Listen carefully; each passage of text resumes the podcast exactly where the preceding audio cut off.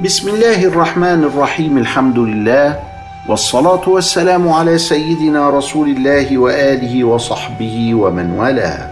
مع الأحاديث الزاهرة عن سيدنا صلى الله عليه وآله وسلم في طريق الآخرة نعيش هذه اللحظات في تلك الأوقات النفحات. أمر رسول الله صلى الله عليه وآله وسلم بنظافة المساجد وهو أمر اهتم به المسلمون عبر القرون. أخرج أبو الشيخ الأصبهاني عن عبيد الله بن مرزوق قال كانت امرأة بالمدينة تقم المسجد أي تقوم على نظافته ورعايته فماتت. فلم يعلم أحد من الناس النبي صلى الله عليه وآله وسلم بموتها فمر على قبرها فقال ما هذا القبر؟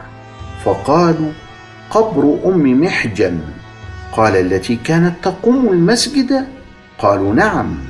فصف الناس فصلى عليها ثم قال أي الأعمال وجدت أفضل.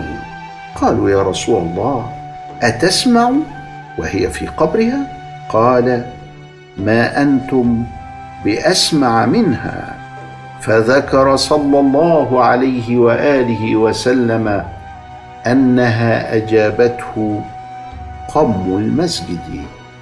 أي القيام على رعاية المسجد ونظافته.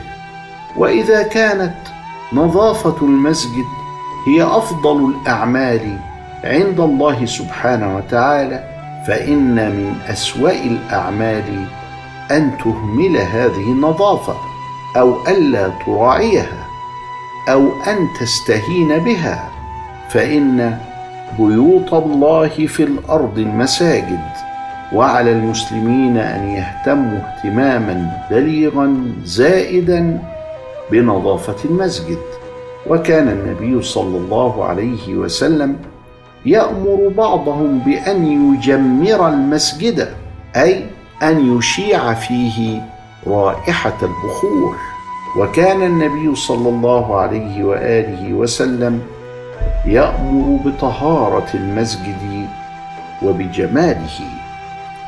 فاللهم يا ربنا أعنا على أنفسنا وارض عنا وانقلنا من دائرة سخطك إلى دائرة رضاك.